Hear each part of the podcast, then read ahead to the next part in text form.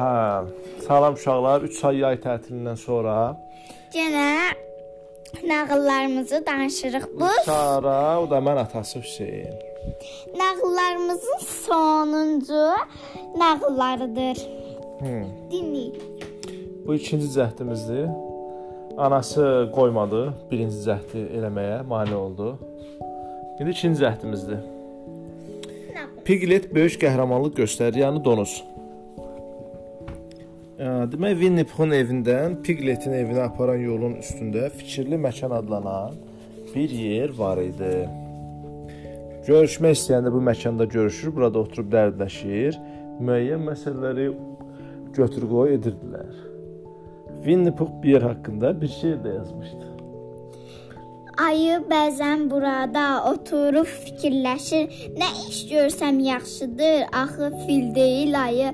Odur ki, boş biçar, biçar gəzib dolaşa bilməz. Yəni Winnie Pooh'un yenə mənasız şeirlərindən biri. Saman kafalı bir ayı. Ayı. Payız günlərinin birində Winnie Pooh və Piglet fikirli məkanda görüşüb oturub söhbətləşirdilər. Külək gecədən ağacların bütün yarpaqlarını tökmüşdü. İndi isə az qalırdı budaqları qopartsın. Fikirləşirəm ki, Winnie Pooh dedi. Pux ağaclığına gedib iya-iyaya baş çəkmək lazımdır. Yəqin ki, evini yenə külək dağıdıb. Onu yenidən tiksək çox sevinər. Mən fikirləşirəm ki, Piglet dedi. Christopher Robini yoluxsaq daha yaxşı olar. Yəni onu yoxlamaq lazımdır.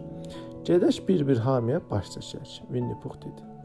Çünki soyuq havada gəzib, sonra kiməsə qonaq getməyin öz ləzzəti var. Bu zaman ev sahibinin "Xoş gördük, Pux. Laf vaxtında gəlmisən. Buyur süfrəyə əyləş" deməsi çox xoşuma gəlir. Demək, Winnie Pux acıb, istəyir ki, qonaq getsin, hamı ona yemək versin, o da nənəsin, oturub basıb yesin. Bal yesin. Bal özü bal istəyir.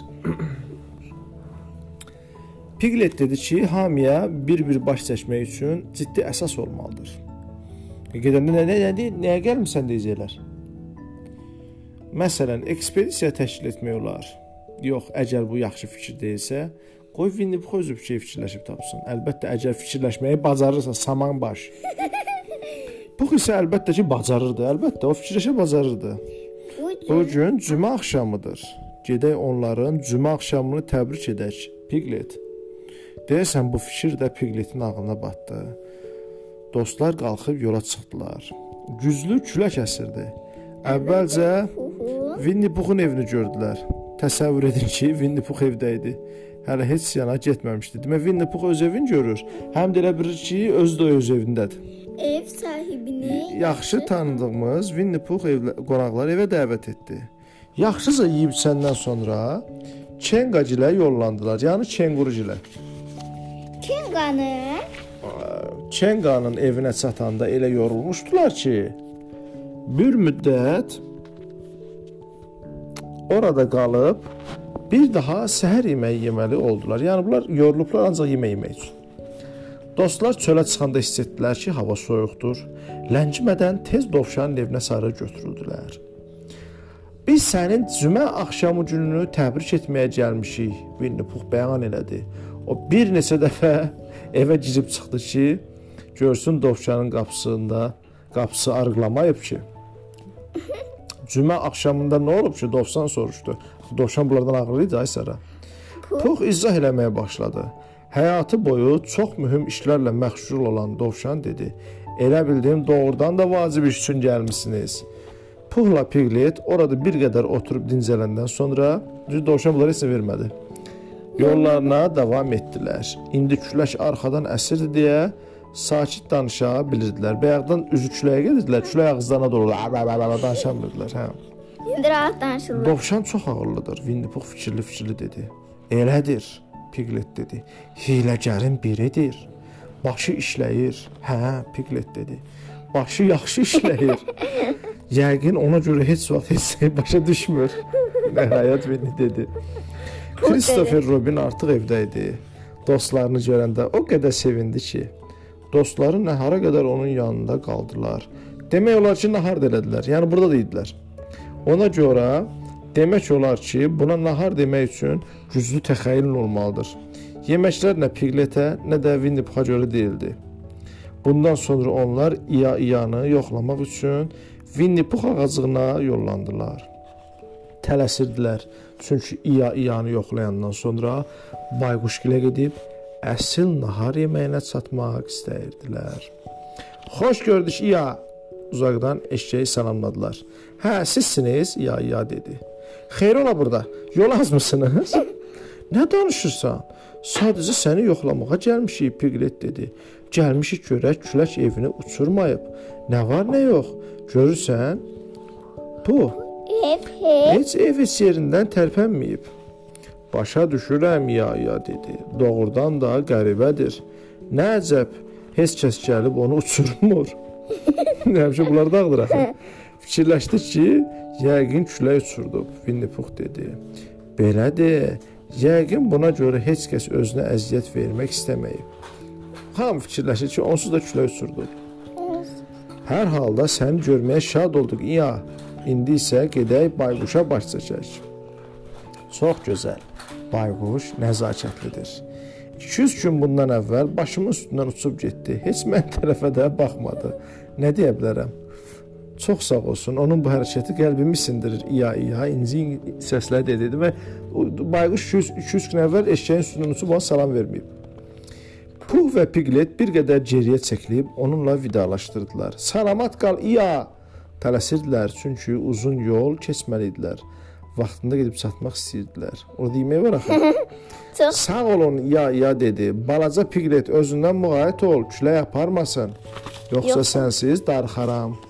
Hələlik təsadüfən yolunuz buradan çaldığınıza görə çox sağ olun. Amma onlar təsadüfən gəlməmişdi. İstəyirdilər eşeği görsünlər. hələlik. Hələlik. Pux və Piglet son dəfə onunla vidalaşıb bayquşun evinə sarı getməyə Başladılar. başladılar. İndi külək qarşıdan əsirdi. şiddətlə küləkdə Pigletin qulaqları bayraq kimi yellənirdi. Çünki heç nəyə baxmır. Baxmadan irəliləməyə çalışıb sahibindən uzağa qaçmamaq istəyirdi. Ha. Qaçmaq istəyirdi. Axır ki gəlib meşəyə çatdılar. Hava birdən-birə sakitləşdi. Pigletin qulaqları yenidən dikəlib ətrafı dinləməyə başladı. Ağacların çətirində hələ də küləyin vəhşi uğultusu eşidilirdi.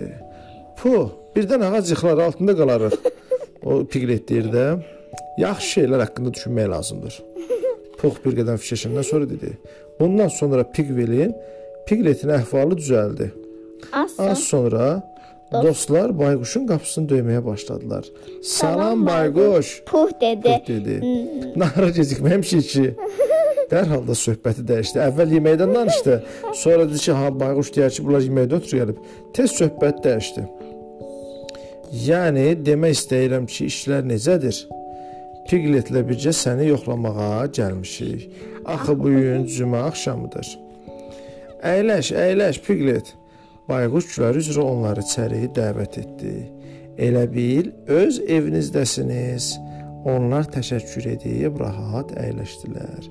Bilirsən, Bayquş, özümüzü güclə çatdırdıq. Yəni səni tez görmək istəyirdik. Bayquş məmnunluqla başını tərpətdi. O bilir niyə gəlib də bunlar. Yemək üçün. Xahiş edirəm səhv etsəm sözlərimə düzəliş verin. Çöldə hava tufanlı, küləklidir, elədir? Olduqca küləklidir. Ocağın kənarında qulaqlarını isidən Piglet dedi. İndi o yalnız evə sağ-salamat qayıtmaq barədə düşünür. Çünki Piglet fikirləşir ki, burdan evə necə qayıdaq? Elə də bilirdim, Bayquş dedi. Belə bir tufanlı gündə mənim dayım Robert o həmişə də onun otağında qızım divarda bir də bayquş şəkli var. O da bayquşun dayısı Robert bayquşdur. Gecənin gec saatında evə qayıdanda bu nədir? Dəhşətli gurultu qopdu. Ehtiyatlı olun. Winnie Puh bağırdı. Saat düşür. Piglet sənin üzərinə yıxılıram. Xilas edin. Piglet çığırdı. Demək ildırım vurdu. Bayquşun da evi bir ağacın budağında da axı. Ağacın budağı qopdu ki, bunlar budağın yuva qarışıq, budağı qarışıq ağacdan düşürlər yerə. Evin Pux olan tərəfi yavaş-yavaş qalxmağa başladı. Puxun kresloya kreslosu aşağıya, Pigletin üzərinə doğru sürüşməyə başladı. Divar saatı güldanların üzərinə düşdü. Evdə aləm bir-birinə dəydi. Ev yana əyildiyindən döşəmə divar kimi dikəldi. Piglet kreslodan qalxmaq istəyərkən Robert dayının portreti divarla birlikdə üstünə açdı. Bir sözlə evin altı üstünə çevrildi. Sonra yenidən gürültü eşidildi. Otaq əməlli başlı silkələndi. Handan hana ortalığa sükut çökdü. Amma səssizlik uzun sürmədi. Birdən küncdə süfrə qıvrılmağa başladı. Süfrə birdən-birə yumaq kimi yumrulanıb otağın o başına sarı diyirləndi. Sonra 2-3 dəfə yerində atılıb düşdü. Yumağın üstündə qulaqlar peyda oldu. Və yenidən otaqda diyirlənməyə başladı. Bismillah. İlahi, ilahi. Nəsə. Hmm. Kənar bir hadisə oldu deməyəcəm. Puh Pigletin həyəcanlı səsini eşitdi. Puh, nədir? Kresloların birinin altından səs gəldi. Biz hardayıq? Bayquşun evindəyik. Fikir versən, şəkilə bax Sara. Ev silkələnib aşıb. Bu vaxtda Winnie Puh nə qarırmış? Görüb ki, bal var, gedib onu yeyib o ev yıxılanda. Yəqin ki, axı elə indicə çay içməyə hazırlaşırdıq. Amma macal tapmadıq. Oy, Piglet dedi, qulaq as. Bayquşun post qutusu, qutusu həmişə tavanda olub. Bəyəm indi tavandadır? Hə, bir bax. Baxa bilmirəm. Üz üstə yıxılmışam. Nəsə üstümə aşıb, üstünə stol aşıb, görsən? Hə. Otağın əks tərəfindən səs-küy eşidildi. Az keçmiş, bayquş yenidən qonaqların yanına gəldi. Piglet qəzəbli bayquş dedi: "Puanı." Çünki əsəbləşib də qızım ev zad dağılıb axı. Deyən görək qurtarmağına qalıbsa biraz ha. Puh hanı? İkinci hissə olar. Özüm də bilmirəm, Pux dedi. Bayquş səsə tərəf çevrilib Puxun gövdəsini görünən hissəsinə zirləndi. Pux, Bayquş məzəmmətlə başını ilətdi. Sən nə elədin? Elə bilirlər Pux eləyib. Yox, Pux dedi. Mən eləmədim. Bəs onda kim elədi? Məncə külək idi. Mənə elə gəlir ki, sənin evini külək yıxdı. Piglet dedi. Aa. Belədir. Əgər bu külək içsə, bayquş öz-özünə dedi. Deməli Puxun günahı yoxdur. Pux bu məsələyə görə məsuliyyət daşımır.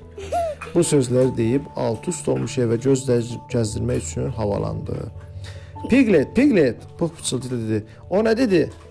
Mən nəyi daşımıram? Məsuliyyət daşımıram. Hə, indi keçək ikincisinə danışaq. Sa-